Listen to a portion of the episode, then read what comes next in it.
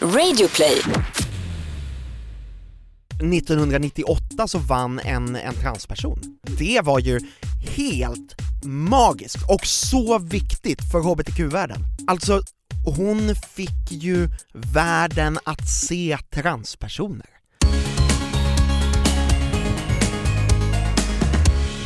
Hallå Anton! Hej Tobias och eh, hej kära lyssnare. Välkommen till Regnbågsliv, Sveriges största hbtq-podd, där vi pratar om hbtq-relaterade ämnen, identifikation, komma ut, läggning, könsidentitet och mycket annat tillsammans med våra härliga gäster.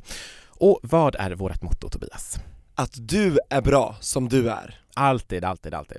Always in, vadå Anton? In always, jag har Yes! äntligen satt den. Om du vill veta eh, varför Tobias låter så glad så lyssna två avsnitt tillbaka där jag verkligen inte förstår vad han säger. Men jag, jag är glad, inte bara för att vi sitter här och poddar utan för att eh, det är maj, solen skiner mer än vad den har gjort någonsin det här året. Ja, Det är fantastiskt, och jag ska faktiskt eh, snart till ett land där solen alltid skiner också. Ja, och det ska du för att det är Eurovision Song Contest. Du-du-du-du-du. Men det är inte bara det, din, eh, du har ju lite relatives och sånt, din... eh, Relatives, din relatives. lite relatives. Så have it your way? Anton, absolut. Ja. Eh, Farfar bor där, Din, din, din pappa. min Big Papa, vad menar du nu? Anton, du, ja, du har vaknat på någon sån här eh, flummig sida idag. Säger man? Grandpapa, kan man säga det? Ja man kan säga det, granddaddy. Jag tänkte, ja, men det, jag tänkte på åpa, för det betyder det på tyska, jag vet inte varför. Ja. Whatever, din farfar bor i Portugal. Ja, Portugal, Lissabon närmare ja, bestämt. och det ska bli härligt va? Absolut, det är ju fan 25 grader där och soligt, jag har kollat vädret. Och där ska du hänga med Benji, bland annat Benjamin Ingrosso. Och heja på honom för ikväll, den här torsdagen när det här avsnittet släpps, då är det ju andra semifinalen. I Eurovision. Sverige tävlar med Vi ska vinna. Ja det hoppas jag, först Jag måste vi till finalen. det. Ja, vi, vi kommer inte vinna. Men, vi kommer komma till final tror Ja, jag. Men det här- ska vi ta med veckans gäst, eller hur? Ja, precis. Och... Vi är så taggade! veckans gäst sitter och skrattar redan ja, men nu. precis. Och vi kommer ju ha med Tobbe Ek eh, den här veckan. Men Tobias, Ja, Anton, innan vi tar in Tobbe Ek, som jag är så taggad på och vi alla är glada, ja, vem är Tobbe kanske du också ska säga? eh, ja men det tycker jag han kan få säga själv va? Ja, det tycker jag. Innan vi tar in Tobbe Ek, som vi är så taggade på här inne så att vi håller på och spricker, vad händer i ditt liv Anton? Ja, förutom att jag ska kolla på Eurovision ikväll och heja på eh, Benjamin. Hoppas att Sverige går till eh, final och att Israel vinner hela skiten på lördag. Oj. Förutom det så håller jag på att planera en resa, för jag åker till Georgien eh, nästa vecka på onsdag. För du vet, den 17 maj så är det ju Idaho. Känner du till det? Ja, det är inte bara Norges nationaldag 17 maj utan det är ju också internationella da dagen of acknowledgement av eh, homo and biphobia. Nästan helt rätt Tobias, det är International Day Against Homo, Trans and Biphobia. Eh, och det här firas då 17 Hur kan maj. det bli hot? Det blir hotbe. Idaho. Hotbe. Ja, jag vet inte. Mm. Eh, det är så det förkortas i alla fall. Och Hot då kommer jag vara i Georgien tillsammans med eh, fem andra personer och jag ska träffa hbtq-aktivister på plats, jag ska träffa politiska partier, eh, det liberala partiet Georgien, Republikanerna. Eh, nej men och så ska jag träffa lokala företrädare, personer som kämpar för hbtq-rättigheter lokalt och det känns så jävla viktigt. Vi ska träffa föreningen, organisationen Equality Movement bland annat, deras eh, eh eldsjälar på plats och eh, partiledare då lokalt. Och eh, förhoppningsvis så kan vi också delta i ett pridefirande som sker, men det är ju väldigt farligt i Georgien. Ja, för det är förföljelser och allt möjligt hemskt som händer. Ja. Och grannlandet Tjetjenien har ju varit väldigt uppmärksammat också, eller hur? varit och tyvärr fa- faller lite i medieskugga. Eh, men det är så jävla viktigt att vi liksom är med och belyser de här grejerna. Eh, nästa vecka i alla fall kommer jag ha med eh, lite, jag tänkte då ska jag självklart återkomma med en liten rapport, eller det blir inte nästa vecka va? Det blir ett kommande avsnitt. Just det, om två veckor så kommer jag göra det. Då hoppas jag att vi har lite reportage eh, inifrån Georgien, det är jätteexklusivt. Och tänker att jag ska prata lite med hbtq-aktivister på plats, eller det ska jag göra mycket, men jag tänkte även att vi ska dela med oss av det i podden. Ja, försök få till det, det skulle vara så grymt. Ja, för kyrkan är ju otroligt stark i Georgien, det är en väldigt farlig situation för Och de är väldigt anti-HBTQ, det är tortyr, det är förföljelser, det är hemskt. Ja, och man har egentligen inga rättigheter i lagens bemärkelse. Precis. Polisen så. bryr sig inte om man säger att jag blivit utsatt för hatbrott, och säger de det finns inte. Generellt sett så är det så, ja Mm. tyvärr. Mm. Eh, men det återkommer vi till och det kommer jag eh, jobba vidare med. Innan, nu tycker jag Tobias vi ska prata om Eurovision. Ja, vi vrider upp eh, liksom, till lite gladare tongångar nu. Absolut, det tycker jag att vi gör. Och in med Tobbe Ek!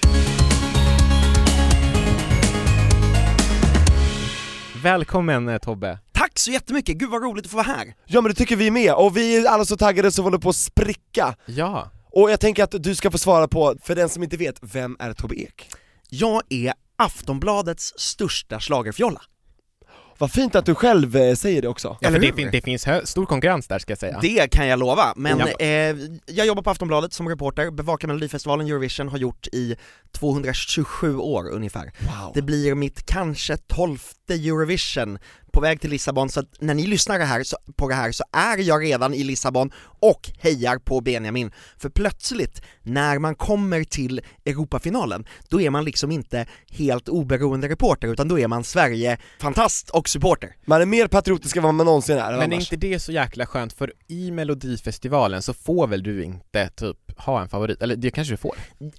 Det är ju inte public Men- service. Nej precis, alltså, men, men eh, där handlar det om att vi bevakar 28 artister och programmet i, eh, och, och hejar ju inte, det är klart att jag kan ha en favorit men det är ingenting man säger. Men i Lissabon så är det klart så att vi vill rapportera om hur bra det går för Sverige, eller dåligt såklart. Men eh, så, så, så ja, man blir alltid lite nationalistisk och hejar och har blå, blågula kläder på sig ibland och sådär. Och men det är så härligt och jag älskar, eh, det jag älskar mest med Eurovision, det är ju att eh, det känns på något sätt som att Europa blir, kommer lite närmare. Eh, Europa med omnejd ska jag då säga och även nu Australien.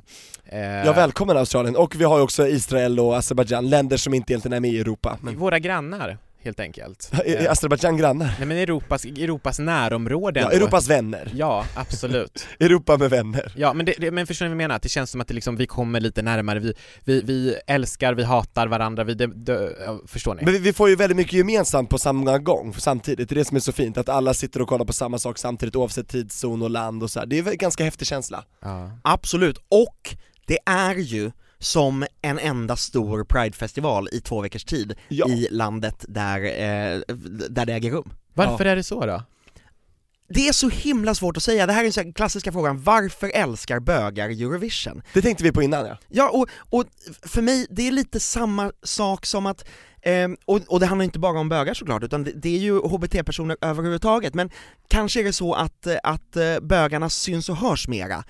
Och det är ju lite samma sak som att man ehm, alltid har älskat Judy Garland, eller de här stora divorna. Och samma typ av stora divor finns ju även i Eurovision. Och de får ta plats där. Exakt, man får ta plats, man får, eh, man får sticka ut, man får vara lite udda, och också samma sak som de allra, all, all, alla de, gud vad jag inte kan prata idag. Du är så Men- taggad, det är ju härligt. eller hur? Ja men alla de här stora divorna har ju också någonting lite tragiskt kring sig, och det är ju också någonting lite tragiskt kring Eurovision, utifrån att artisterna som är med från 43 länder i år, de kommer till Lissabon och de kommer under två veckors tid att behandlas som om de är de största superstjärnorna i hela världen. Men kommer man dit och tävlar för San Marino, då kommer man ju aldrig någonsin få uppleva det här igen. Det händer två veckor Om i man livet inte heter... om Vad heter- Valentina Monetta som tävlar fyra, fyra gånger, gånger, för ja. San Marino. Ja, ja, fast det är ju också de enda två veckorna eh, på året som hon får känna sig som en superstjärna. Ja. Grattis. Jag tänker verkligen, äh, har verkligen tänkt på det här också för jag till exempel eh, kommer särskilt ihåg när Loreen vann, då var en eh, artisten för Bulgarien det året, Sofie Marinova, eller Sofia Marinova tror jag hon hette. Och hon var ju en typisk sångerska som om man kollar på hennes Spotify har hon väl fått kanske tusen lyssningar på hennes andra, eller så här under tusen, det är inte ens definierat. Eh, och så kommer hon dit och bara liksom Alltså det, det är nästan som att hon kanske är lite så här karaokeartist hemma i Bulgarien. Och Men det var den där, hon- Mon Chéri Slivovic Nej nej nej, det är Det inte den. den. För den också. Love Unlimited heter den här. Det. Mm. Eh, och, och bara äger scenen, eller ja, det kanske hon inte riktigt gjorde, men jag, jag förstår precis vad du menar. Men I sitt huvud så ägde hon ju allt, och det är fantastiskt att se. Ja, Alla lever ut och blommar ut. Och det är ju en superhäftig upplevelse som artist, alltså jag har ju inte varit det själv, men jag kan ju bara föreställa mig. Att komma till ett sånt här, det är en, ett enormt säkerhetspådrag, det är ju som ett, som ett OS, men varje år. Och att då vara där och mötas av fans och, mm, som vill ta selfies, som vill, eh, vi- vi- vill prata, och det är så mycket kärlek i det, och att få uppleva det, det är ju helt otroligt. Och nästan en kvarts miljard tittare. Det är också va? en, Är det ja, så mycket? 250 miljoner nästan. Ja men vi, Mm. det är väl bland de mest sedda tv-programmen som finns. Man Ja. brukar säga att det är världens mest sedda livesända underhållningsprogram. Precis, Och- och- icke-sportshändelse tror jag. Ja, ja, exakt. Det är det det, va? Så är det. Världens Just det. största icke-sportshändelse som sänds liksom. Mm. Fan vad coolt det Ja, var. verkligen. Jävlar, det var många som såg då när Loreen vann. Precis, men det är tyvärr fler som kollar på Super Bowl så att, Ja. ja. ja. Men men. Men vadå, men Super Bowl är också så här enormt stort i typ, och det är ju blivit stort i hela världen. Fast Eurovision har funnits längre än Super Bowl. Ja, jo, jo, Så att det är intressant. Men det- men. Men apropå liksom Mm. det här med Loreen, vi, vi vann, det kommer vara extremt många som kollar eh, och det är en, en enorm Pride-festival i två veckor. Men kommer vi vinna i år? Nej, Oj, det du går in direkt inte. på den. Oj, nej det gör vi inte. Benjamin Ingrosso eh, levererar ett supersnyggt nummer, men det finns liksom inte det där basset kring honom. Det kommer gå bra, vi kommer definitivt ta oss till final. Det är jätteviktigt. Alltså jag kommer gråta ikväll när ni lyssnar på det här, om, om vi inte tar oss vidare. Vad skulle det innebära för Benjamins karriär om han inte tar sig vidare till final? Oj. Det känns Nej, otänkbart. nej, jag, alltså jag tror inte att det är egentligen, för Anna Bergendahl så var det ju verkligen eh, fullständigt fiasko om att inte ta sig till final. Men Benjamin har ju hela sin familj och det är ju en del av hans karriär. Så det här, och Melodifestivalen är ju inte hans, det är ju inte det viktigaste för honom. Så att jag tror att det såklart skulle vara eh, jäkligt jobbigt att inte ta sig till final, men det skulle, han skulle liksom inte gå in i, glöm, falla i glömska och, och, och trakasseras eller, Nej. Tra, varför skulle man trakasseras? det var konstigt. Ja, Nej, men men han- men det, det blir en till säsong av Wahlgrens värld för honom kanske. Men Oavsett, precis. Ja, oavsett. Ja men jag tänker på det här när Monica Zetterlund, det, det, finns ju en film om henne, hon var ju med och representerade Sverige och då när hon, hon kom, jag tror hon kom sist Ja, det gjorde Ja. och då blev ju hon nästan trakasserad utav liksom eh, hon var ju hånad av ett helt land, ja. Ja, det blev ett stort, stor rubriker då om att Nederlaget. Monica Z är en skam, Monica Zetterlund är en skam för Sverige Men nu och- pratar vi ju eh, 50-talet. Ja, Eh, Christer Björkman kom ju näst sist med Imorgon är en annan dag, och det är Just klart att, att det skrevs, också. ja precis, 1992. Ja. Det är klart att det skrevs och det var en besvikelse, men det var ju inte så att han hängdes.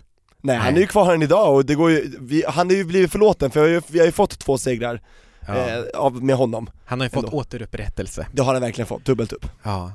Kommer han bra. leda Mello länge till, vet man det? Hur, vad stod det i hans bok? 2021 Ja men eh, han, eh, precis, han, det, han sa ju för, förra året sa han att han hade skrivit på ett nytt kontrakt så att han ska, eh, som var fyra eller fem år då, så att det är ytterligare tre år till om jag inte minns fel. Ja, Just så det. 2021 och det står i hans bok också som heter någonting jättefint, eh, jag har glömt bort. Ja, Men han släppte ju den i, för höstas va? ja, jag vet. Ja, ja, Lagom till presskonferensen. generalen. Generalen ja, Ah. exakt. Han är ju vår ja schlagergeneral. men det är det ju. Så han är också där Ja. på plats. Jag tänkte att vi ska kolla lite på det här med Eurovision och uh, HBTQ-representation och lite så här Ja det var ju det vi skulle Ja, prata vi om. sätter på oss regnbågsglasögonen nu allihop. Det har ju varit mycket HBTQ-personer som har deltagit i Eurovision.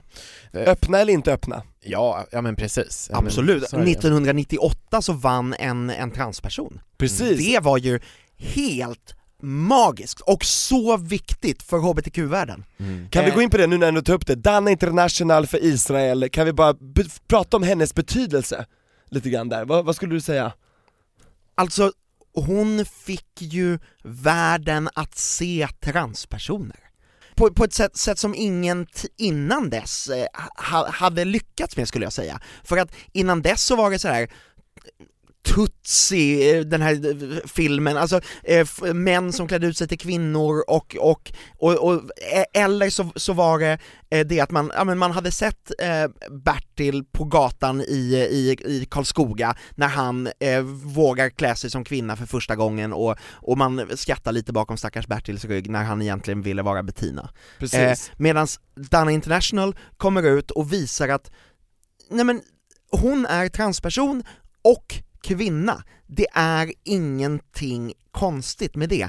Sen har ju det här såklart inte inneburit att eh, transpersoner är enormt accepterade. Det är ju fort, det är enormt svårt för en transperson att, att, att accepteras i samhället ändå. Men hennes framträdande i Eurovision ledde ändå till att folk fick en bättre förståelse för vad det innebär att, eh, ja, men, att, att, att, att ha funderingar kring sin könsidentitet helt magiskt. Helt ovärderligt. Det är den första transpersonen jag såg i mitt liv någonsin, Mm. när jag var liten, 98 och liksom såg det på TV Och jag frågade mina föräldrar, ja men det är så här att det ligger till så här och sen så, wow, alltså det var, jag, jag glömmer det aldrig alltså Men för jag kommer ihåg att de sa någonting, kommen- kommentatorn sa eh, Vem var det det året? Eh, det, jag kommer inte ihåg, men jag kommer 98. ihåg i alla fall att det, det, det kommenterades att eh, Dana eh, var eh, transperson. Exakt, Eh. född av, med manligt kön och nu liksom, de, de sa någonting sånt Ja, för, Då. precis, nå- någonting sånt sa de. Och då kommer jag ihåg i alla fall att jag frågade mina föräldrar också, precis som du gjorde. Eh, och de sa någonting i stil med att, eh, att ja men det, Dana liksom, det, det är en kvinna, och förklarade liksom hur det låg till och jag bara okej. Här, Ja, alltså, och, alltså på den tiden så var det ju ingen som använde begreppet transperson. nej. Nej, Hon hade ju gjort ett könsbyte. Hon Ja. var man som hade klippt av kuken och blivit, eh, blivit kvinna. precis Alltså, så sa man då, så väldigt sa man då. icke-PK Exakt. Eh, så, så att jag, om, om jag försöker minnas 98 så det, det var ju, det var, man sa ju, man pratade ju på ett sätt så att, eh, så att man skulle få, eh, ja men få panik idag om man lyssnade på hur hon beskrevs. Just det. Just Ja det var väldigt så här föraktfullt på något sätt, eller? Det var- Absolut, men Mm. tack vare att hon vann, så eh, den succén innebar ju så mycket, för att då kunde man inte avfärda henne som den där transan, utan hon var ju faktiskt en artist som Europa tagit till sig. Mm. Hemma i Israel så var det ju, eh, så som jag förstår det, så var det, det var extremt kontroversiellt att man skickade henne, för Israel består ju till hälften av enormt en, en enorm öppenhet och till hälften av en enorm konservatism. Eh, så så, så eh, det, var ju, det, det var ju nästan slagsmål där mellan de här två grupperingarna kring att man sk- skickade en transperson och, och det snackades om, om att hon kommer skämma ut oss, men det gjorde hon inte alls, hon satte Israel på kartan. Mm, verkligen. Och det- Otroligt mycket, som ett, som du sa, ett gay-resmål, Tel Aviv till exempel, det har blomstrar ju bara Ja men Det verkligen. är paradis Och, eh, ja men precis, och sen måste man ju också som, som eh, Tobbe säger, ha i bakhuvudet de också konservativa mörka krafterna som också finns så här Absolut. i. Men Israel är ju områ- liksom det området Ett splittrat en, land. Ja, men, nej, men det, det, enda områ- det enda landet i det området som är en demokrati till exempel, det enda demokratin i Mellanöstern, det enda landet där en som har en prideparad i Mellanöstern och så vidare. Ja, Eh, Dana International har ju betytt otroligt mycket. Ja. Eh, och jag vet, eh, bara om jag går eh, till min egen bekantskaps och vänskapskrets, eh, bland mina vänner som är transpersoner är det väldigt, väldigt många som har, eh, som liksom avgudar Dana och har liksom bara Fan vad, det var för, liksom, precis som du säger Tobias, första gången du såg en, en, Ja. en transperson, det kanske inte var första gången alla såg en, såg en transperson, men det var nog första gången många såg en transperson ta den platsen och få det liksom eh, utrymmet. ja och Dana bad aldrig om ursäkt för någonting, jag tycker det är fantastiskt Hon Underbart. har inget att be om ursäkt för Nej. Och det blev en förebild. Ja. Tack, för det är ju det viktigaste som finns. Att det finns personer att se upp till och se att man lyckas. Eh, Det är ju därför det är ett problem i, i länder som förtrycker HB, eh, HBTQ-personer när det inte finns någon att, att, att se, att när, när ingen vågar, vågar vara öppen, då om ingen tar första steget och kommer ut och är öppen med det, då finns det ju ingen annan som vågar göra det heller. För man behöver ha den, eh, den förebilden. Och Dana International blev en förebild för åtminstone hela Europas transpersoner. Mm. Absolut Verkligen. Och jag tänker som du sa där, Ryssland är ett exempel på hur, där det är väldigt jobbigt Ja, Där folk typ kommer ut och sen tar tillbaks men det här är så konstigt, för det finns ju en kontrovers liksom med Ryssland. Ja. Ryssland har ju blivit otroligt, eh, gått tillbaka verkligen. Ja. Ryssland var ju på väg efter Sovjetunionens fall, man trodde ju så att men det, nu börjar det moderniseras, det börjar luckras upp, det blir mer västliga vindar som råder, men eh, nu verkar ju liksom de konservativa krafterna ha ett grepp om landet med Putin, men det, 2003 så skickade de ju eh, Tattoo. Tattoo som var två stycken eh, eh, tjejer då, eh, Som var väldigt homoerotiska Ja, Men väl, de eh, hånglade tog i på varandra på videos. scenen och allt möjligt och Och så här, sen fick de ta tillbaks det, kommer du ihåg det? På någon presskonferens, hur, hur var det? Men, men, men det var ju också så att det var ju bara en gimmick. De här tjejerna var ju inte flator. Nej. Men, men man spelade på det och, och, och de skulle hångla på scenen och så vidare. Mm. Eh, och eh, det, alltså det var ju inte, det var ju inte gjort för HBT-publiken, det var ju gjort av samma anledning som, som massa straight-porr har två tjejer som ska ligga med varandra. Det, det var ju gjort för att män skulle gå igång på det. Gay for pay Ja, lite Mm. så. Eh, eh, s- men ändå, gi- givetvis, eh, Ryssland skulle ju inte skicka den typen av akt i, idag, absolut Nej, det inte. känns ju Och uteslutet. redan Ja. 2009 när eh, Eurovision var i Moskva så förbjöd ju eh, Moskvas borgmästare den Pride-parad som, som man hade, eller de, den, eh, ja men en, en demonstration, eh, en HBTQ-demonstration som man hade planerat. Och eh, när de ändå försökte att, att hålla demonstrationen så, så gick ju polisen till attack och misshandlade folk. Just det. Det är fruktansvärt. Och det är förbjudet med prideflaggor också eh, i Ryssland nu, för det är, det är homopropaganda som är skadligt för barn, säger det. man. Det är det, man tänker på barnen, de drar alltid in barnen i det här. Ja, precis. Eh, they recruit children och så vidare och så vidare, vad de nu säger, men Ja. eh, om Men- personer. Lögner. Det, det är ju också det som är så spännande när Eurovision hamnar i den typen av länder, så uppstår ju någonting, för att när Eurovision kommer till, till Oslo eller, eller Sverige så ja, det är ju jätteroligt och det kommer vara mycket, eh, gayklubbarna kommer ha extra fester och, och, och, och härligt, men när Eurovision kommer till Serbien 2008, där det inte finns någonstans att vara öppen, där det, där det inte är accepterat att vara homosexuell, så, så händer någonting. Eh, jag kommer ihåg i eh, eh, den Euroclub, alltså den officiella festlokalen under Eurovision i Serbien, det var, eh, folk gick ju dit och bara tittade, alltså eh, HBTQ-personer i, eh, i, vad heter Bel- Belgrad, kom ju dit bara för att kunna få röra sig och umgås med andra personer som också, och som till och med var öppna, förstår ni? Det, det, var, det var helt otroligt att se. Wow. Det blev ju också så att på herrtoaletten i arenan så kanske man gick lite över gränsen och, och, och gjorde lite för mycket sexuella saker. Men u- utifrån det här att, ja men, eh, Låg folk på toa alltså? Eh, Ja, det hände. Eh, och, och, och den, det, det är ju sånt där som liksom blir en skandal, men den uppstår ju bara för att de inte har någon annanstans att träffas. Men plötsligt så, så står det tio stycken homosexuella män bredvid varandra i en pissoar, och, och den, där, den där sexuella laddningen som man inte får utlopp för någon annanstans, den fick man utlopp för på Mm. toaletten. Det är som Jonas Gardell sa i. Torka aldrig tårar om att eh, när det inte fanns mötesplatser för eh, homosexuella män i, i Stockholm till exempel, då möttes ju männen i parker, på offentliga toaletter och så vidare. Jag kan tänka Ja. mig att det är samma princip som gäller där, och att det är liksom därför det blir precis som du säger. Men visst var Marina Serefovic som vann året innan, Molitva, eh, lesbisk? Eller? Har hon aldrig kommit ut? Så men... här är det väl att Maria har aldrig kommit ut. Nej. Eh, vi- vi tog ju för givet det, eh, och hon... Kanske lite fördomsfullt av oss, men det, Ja, det gjorde eh, och på presskonferensen efter att hon vann så riktade hon ett speciellt tack till HBTQ-publiken Och du var där, eller hur? Ja precis, det var till och med så att jag ställde frågan. Så att, och, och eh, kring hur hon kände om stödet, eh, stödet från HBTQ-publiken, hon, hon riktade ett speciellt tack till dem, vilket gjorde att Expressen dagen efter skrev artikeln att hon typ, eh, att hon var öppen med sin sexuella läggning, vilket hon aldrig har varit. Och när det gäller Maria så har ju hon också tvärt emot, när det har varit val i Serbien så har ju hon stöttat högerextrema partier och också sagt att, att homosexualitet, det tycker hon är äckligt. Alltså eh, me- mellan män, eh, eh, Oj. så. är det för att hon ska bevisa på något sätt, eller Ja, rädda sig själv ja, eller? Jag kan inte spekulera i hennes sexuella läggning, hon har ju däremot en, en ganska androgyn, eh, eh, men, eh, så, så, för jag satt och tänkte på vil, vilka person, vilka HBTQ-personer har, har, har blivit Eurovision-profiler, och, och så tänkte jag på just på Maria, men, men nej, vi vet det faktiskt inte där.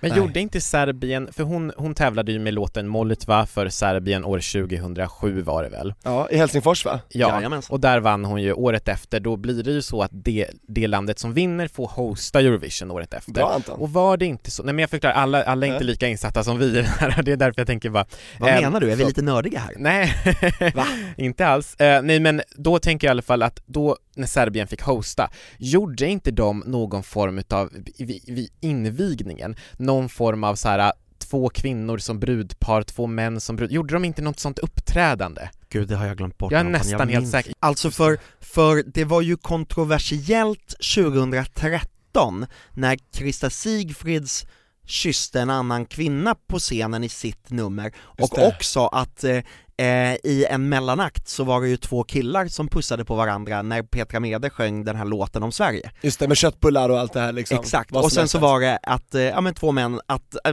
hon sjöng ju om Sverige och vad som var speciellt med Sverige. Och då var det Samkönade bland äktenskap annat- liksom. Exakt.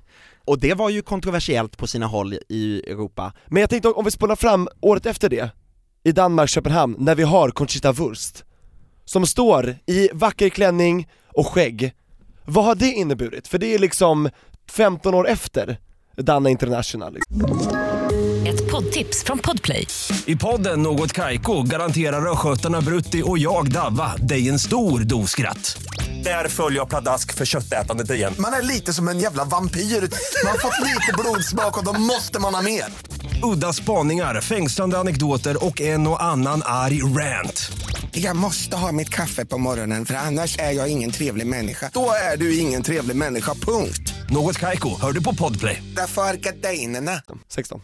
det var ju, det var ju återigen eh, en sån här, framförallt när man efteråt kunde gå in och analysera rösterna och se eh, skillnad på telefonröster i olika länder och där man kunde se att, att telefonröstarna i, i Ryssland till exempel gav poäng. Folk ville rösta på Conchita Wurst. Sen var det så att, att jurygrupperna eh, höll nere eh, röstning i, i, i ganska många av de länder där homosexualitet inte är accepterat. Och det här får man ju inte se i TV, för då läggs ju alla ihop, eller hur? Precis. Men, men det var väldigt spännande i efterhand att, att man kunde se att, att eh, för, för det fanns ju ett antal politiker i Ryssland som gick ut och var, var högljudda kring att, att det här kan vi inte visa, eh, det ska man inte få, en, en, kvin, en, en man i skägg i, i klänning, det går inte för sig. Men publiken ville ha Conchita Wurst, och det tycker jag är väldigt spännande. Det säger en hel del. Ja men verkligen, och eh, hon vann ju till slut. Eh, Jajamän, hon vann också, som Danna. Ja men precis, Mm. och vi, vi pratade ju lite om, eh, om Conchita för några veckor sedan, eller hur? Det gjorde vi, här i podden. Ja just det, hon blev ju outad av sin, Sitt ex. sitt ex Hon valde att gå ut med det själv för, för Just det, hon att blev inte hotad, just bli det. outad. Eh, hon är ju nu öppen med att hon har HIV. Ja och precis eh, eh, nästa steg av ytterligare en, eh, en förebild och ytterligare det här behovet av att personer vågar vara öppna med inte bara sexuella läggningar utan, utan eh, det är ju väldigt stigmatiserande. Eh, HIV-positiva upplever ju ofta det. Eh, men det här är ju ytterligare ett steg för, för att vara en förebild, man behöver ha andra som vågar berätta. Mm. Verkligen. Verkligen. Och det, det är så intressant det här med Eurovision för att många ser ju det kanske som en, en musiktävling primärt och det är det ju också, så är det ju. Eh, men det har ju inneburit otroligt mycket för liksom politiska eh, relationer, liksom diploma, diplomati och så vidare. Så jag tänker bara att det finns ju, rykten säger väl att så här, de från Azerbajdzjan som röstar på Armenien fick typ hembesök av polisen och, Ja, det var inte ens rykten, det var så. Det var så Alltså, alltså? eh, eh, det är ju enormt politiskt, Eurovision, Laddat. trots, eh, och, och Azerbajdzjan och Armenien ligger ju i krig med varandra, och, och det här var ju Undrar om det var 2008 eller 2009 där, där eh, 16 personer hade vågat ringa och rösta på Armenien i Azerbajdzjan och då fick, eh, eh, togs in på förhör.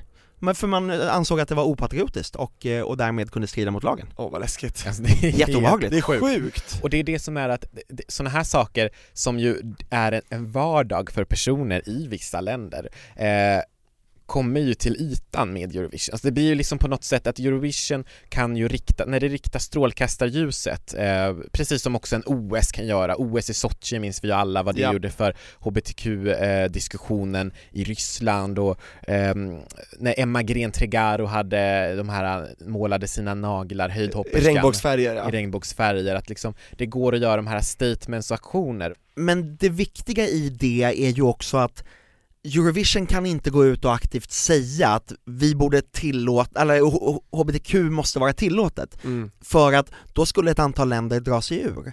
Men genom att man i ett öppet land som Sverige har den typen av mellanakter där man ser män kyssas och, och eh, eh, skämtar om, Petra Mede, både i, i Malmö och i, och i Stockholm. Stockholm, så, så skämtade hon ju om hur mycket, hur, hur, stor, hur, hur mycket av publiken som bestod av, eh, av, av, av, av gaykillar. Let's all grab our towels and come together. Det tycker jag var fantastiska ord. Men, men de här grejerna, eh, ju, eh, EBU som ju eh, arrangerar Eurovision, kan inte gå ut och säga säga att vi måste kämpa för, att, eh, för hbtq-rättigheter, men däremot så stöttar de ju den här typen av mera, eh, de, de, de stoppar inte utan de snarare uppmuntrar den här typen av, av inlägg när Eurovision arrangeras i ett land som Sverige som är öppet, för att det ska föras ut i länder där det inte är lika öppet. Men de skulle inte säg, eh, säga att man måste eh, lyfta fram det mm, på något sätt liksom. Jag, jag är Nej, lite jag håller Jo, jag, jo, jag fattar precis, och det är där, Absolut. det som är så bra, det, det är liksom bra när ett land som inte är lika liberalt som de, många andra vinner, för då kommer ju liksom representationen på plats, men det är också lika viktigt när till exempel Sverige vinner, eller Norge eller Finland, och att man då, när man har möjlighet, visar all den här inkluderingen och mångfalden, precis som den här Anke, kan vi inte prata om det också? När det var Eurovision Azerbaijan, och sen så skulle de ringa upp Tyskland och få deras röster, Ja, kan vi inte spela upp Ja. det här? Kan vi inte spela upp det? det gör vi! Ja. Lyssna vad Anke säger här då Det är alltså Tysklands kommentator som ska Precis, dela som var tidigare värd när det var Eurovision i, i Tyskland i alla fall. Hon säger de här bevingade orden på sina få sekunder. Guten Abend, Deutschland! Hallo, Anke! Und jetzt geht's auf die Reeperbahn zu Anke Engelke. Super Stimmung dort. Mein Gott, klasse bei euch. Viel los. Unsere Jurypräsidentin Anke Engelke. Performance. This is Hamburg calling. Hello. Viele Grüße an die deutschen Helfer und Helferinnen. Ihr habt einen tollen Job gemacht. Tonight nobody could vote for their own country, but it is good to be able to vote and it is good to be to have a choice. Good luck on your journey, Azerbaijan. Europe is watching you and here is the first part of our Guter results. Kommentar von of the Anke. German vote. Here we go. Och det här är ju helt fantastiskt! Genialiskt! All, alltså så smart uttänkt att lyckas kritisera värdlandet, eh, värdlandets brist på demokrati utan att verkligen, utan att, utan att säga det uttalat, så lyckas hon hugga in det här. Jag är så Ja, men, Den som skrev det, applåd, Ja, applåd alltså, verkligen. Så fantastiskt! Ja, att det inte blir en uppenbar förolämpning utan att de som fattar, de fattar och programledarna fattar ju ingenting, det gick över huvudet på dem direkt. Och, och, och, och det politiska i Eurovision, inte bara hbtq-politiken, ut- utan Eurovision har ju alltid varit politisk. Eh, när Eurovision gick i, i, i Köpenhamn 1960 någonting, jag kommer inte ihåg. 63, 4 Nå- någonstans. så, Ja. Då eh, rusade ju, eh, då, då, hade, då hade personer klätt ut sig till scenarbetare och rusade ut med en stor skylt på scenen där det stod eh, någonting om, om Franco och Salazar som ju var diktatorer i Spanien och eh, eh, Sp- Spanien och Portugal då, eh, och, och liksom för, för att eh, protestera mot dem. Eh, och när nejlikerevolutionen bröt ut i Portugal i slutet av 70-talet, då var det det årets den hemliga signalen för, för att inleda revolutionen var att eh, eh det årets Eurovision-bidrag från Portugal spelades i radio. Eh, eh, man hade det som det hemliga tecknet, man hade alltså en mullvad inne på radiostationen och man spelade den låten och då visste man att nu ska vi börja förbereda oss och sen så ett antal timmar senare spelade man en annan låt och då bröt revolutionen ut. Helt fantastiskt. Alltså Wow. Eurovision har ju hela tiden varit enormt politisk. Wow, Ja, och nu är vi tillbaks till. Portugal igen, jag tycker det är fantastiskt. Ja, och den här politiska liksom, påverkan eller, eller det här att, att Eurovision är politiskt, det tror jag, det kommer fortsätta liksom så länge, eh, så länge Eurovision finns. Ja, och vi ser ju sådana här klassiska exempel också när Cypern och Grekland röstar på varandra hela tiden, de ger alltid 12 poäng Och Sverige och Norge. Ja, Ja. vi ska inte vara helt oskyldiga så, nej, det är skandinaviska länder, det är ofta grannröster brukar man ju prata om också. Ja men precis. Och det, tecken, ett sätt att visa solidaritet. Så. ja, och det, det är så kul att eh, det är typ det bästa jag vet med Eurovision, det är omröstningen. Att sitta där, Sweden 12 points. Man bara, vi vet väl att Danmark kommer rösta, när de inte gör det blir vi så upprörda. Ja, Sen verkligen. Ja. skiter vi i att rösta på dem. Jäkla Danmark. Men jag kommer Ja. ihåg en grej som jag blev riktigt upprörd över, det var 2012 när Loreen var med och så kommer vi till Italien. Ja, jävla Va? Italien. De enda som inte gav oss en enda poäng. Vi vann ändå så att eh, Ja, Med vet. överlägsen marginal. Jag Italien bara missade grejen, de får skylla sig själva. Ja.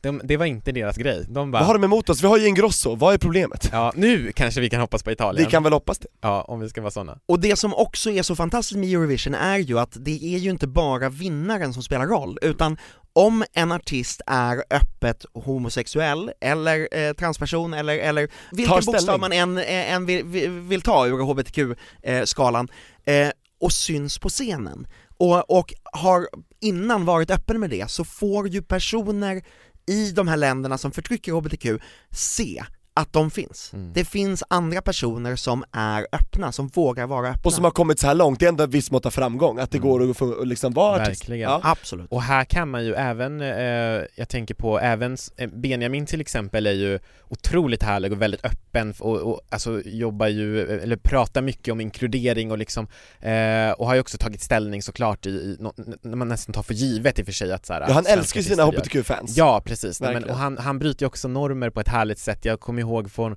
när han vann eh, finalen, då satt ju han och Felix Sandman eh, De gav varandra vinstpuss. Nej men de satt och höll varandra i handen innan. Ja just det, just det. Och bara en sån grej, så här, att, att två så här, killar kan visa så här, ömhet utan att behöva vara gay och typ så här, känna sig så trygg i sig själv att jag kan sitta här framför fyra Ja miljoner och de hade ju en vinstpuss också, Ja, vilket var fantastiskt. Och det är också liksom sådana här grejer som jag tror är väldigt viktigt att, att det får synas, att det får ta plats liksom. Det tycker jag vi kan basunera ut bara. Ja, Bara verkligen. kör.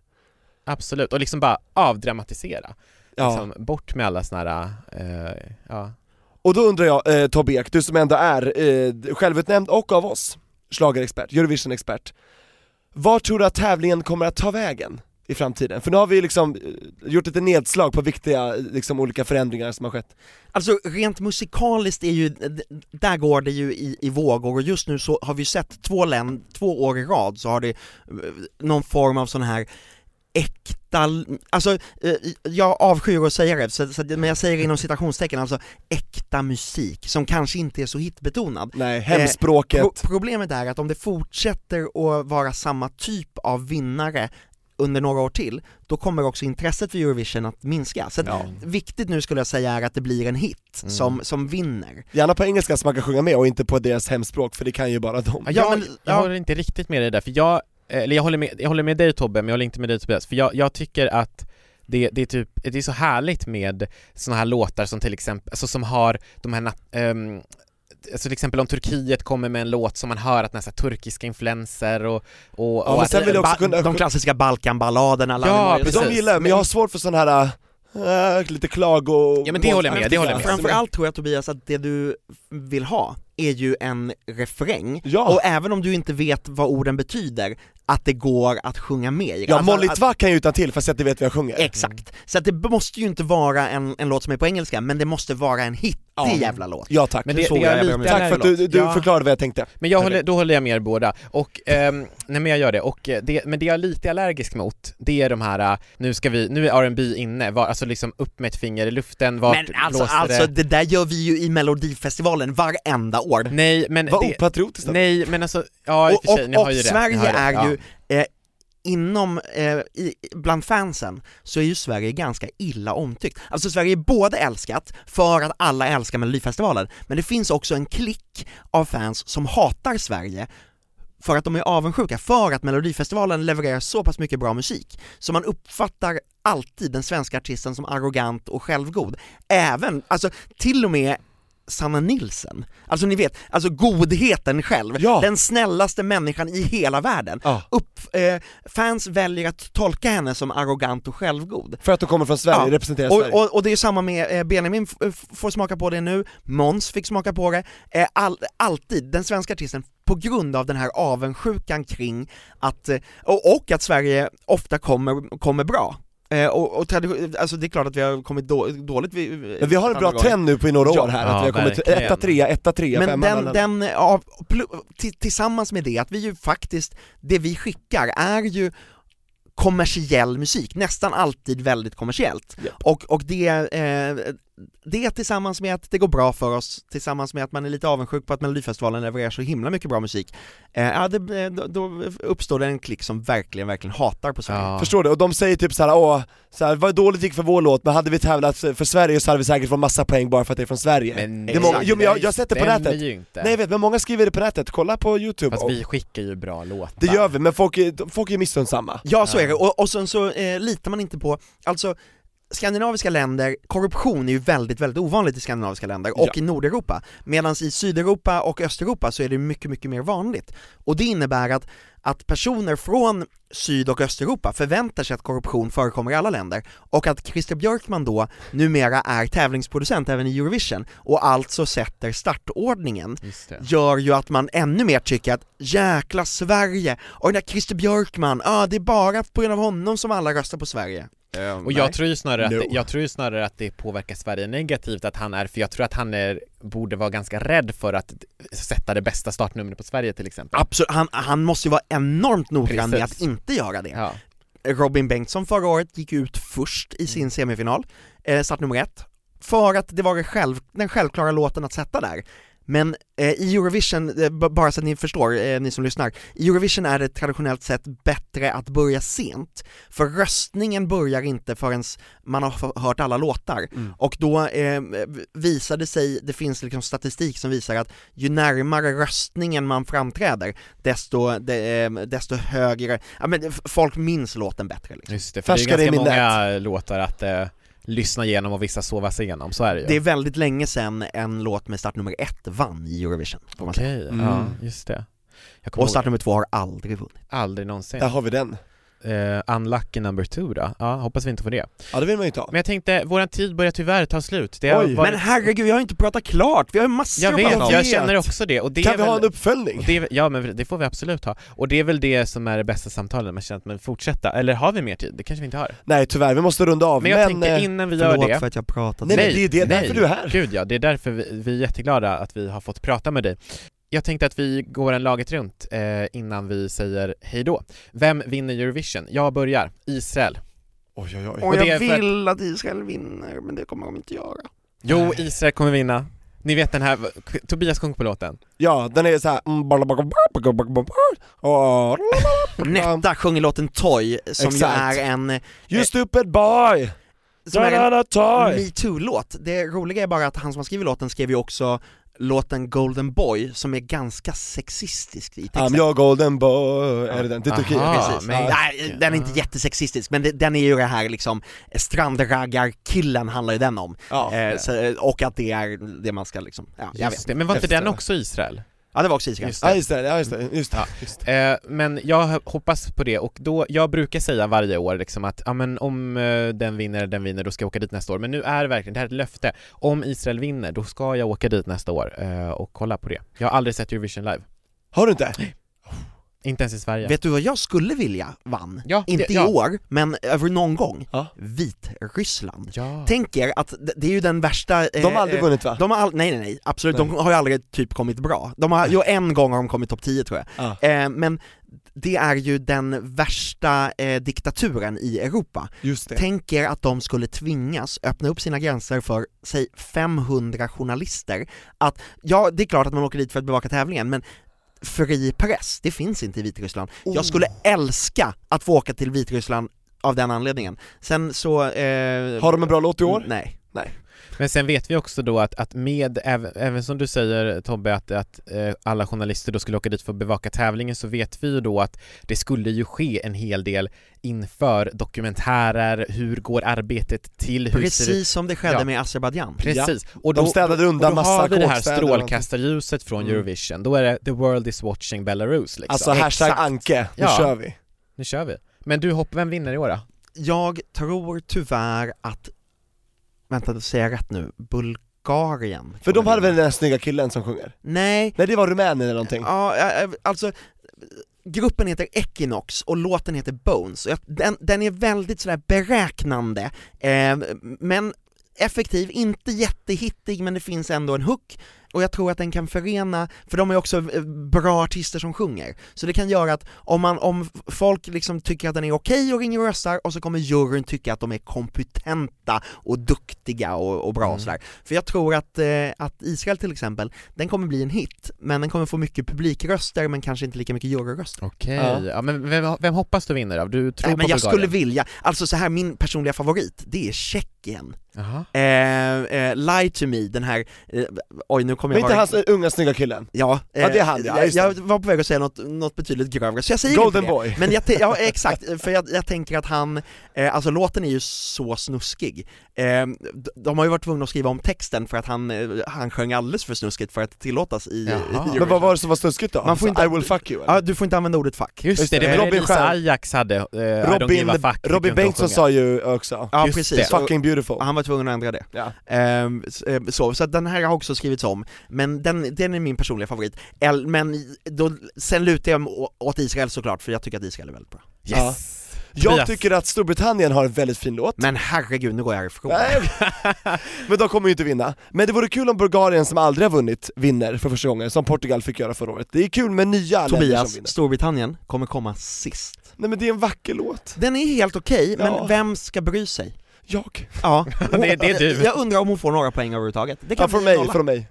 Jag Ja. ringer, Sweden! Men Storbritannien får ju, ty- kommer ju typ alltid sist, alltså de är ju så dåliga Ja, de har ju inte vunnit på I 20 plus år liksom. Men, men då har du sagt att du, du hoppas på... men jag får väl ändå säga jag hoppas på Sverige ändå, jag Nej, får väl men- säga nej. det. Jo, då. Jo, det får man väl göra. Dance you off hela vägen, nu åker vi till Portugal och så hejar vi på dem. Men är, är det inte roligare om Israel vinner? Jo absolut, Men, men okej, du, du hoppas på Sverige, men du tror på? vem tror jag på? Eh, ja, Storbritannien. Ja. Great Britain! Vi får se vem som har rätt nästa vecka helt enkelt. I, blir det Israel, blir det Bulgarien, eller blir det Storbritannien? Och är du utanför Sveriges gränser, ring och rösta på Sverige ikväll. Absolut, Om du är ett land som också tävlar, för det måste man ju vara. just Ja. det. Kolla på nätet, Ja. kolla på TV. Ja, och heja Benjamin, eh, Benjamin Heja. Team Ingrosso, heja Team Sverige. Ja, he, varför heter han inte Benjamin Wahlgren förresten? Nej men det, han vill ju inte vara för mycket Wahlgren Men Sverige. Bianca, är hon inte Wahlgren? Nej hon är Ingrosso Är- också. båda Alla Ingrosso? barnen, förutom Theo, är Ingrosso. Ja, Han har ju det. eh, uttryckligen tagit eh, Ingrosso som artistnamn just för att inte förknippas med Wahlgren utan hellre förknippas Ja, med eh, de Sin stora DJ-kusin. EDM-stjärnorna. Ja, just Det, det. är så, mm, jag passar. Tusen tack Tobbe för att du besökte oss. Tack för att jag fick komma! Så roligt. Ja, vi ses i Portugal, muito Ja. obrigado! Lycka till nu med allting. Ja, och heja Anton. Sverige Ja det gör vi. och Israel.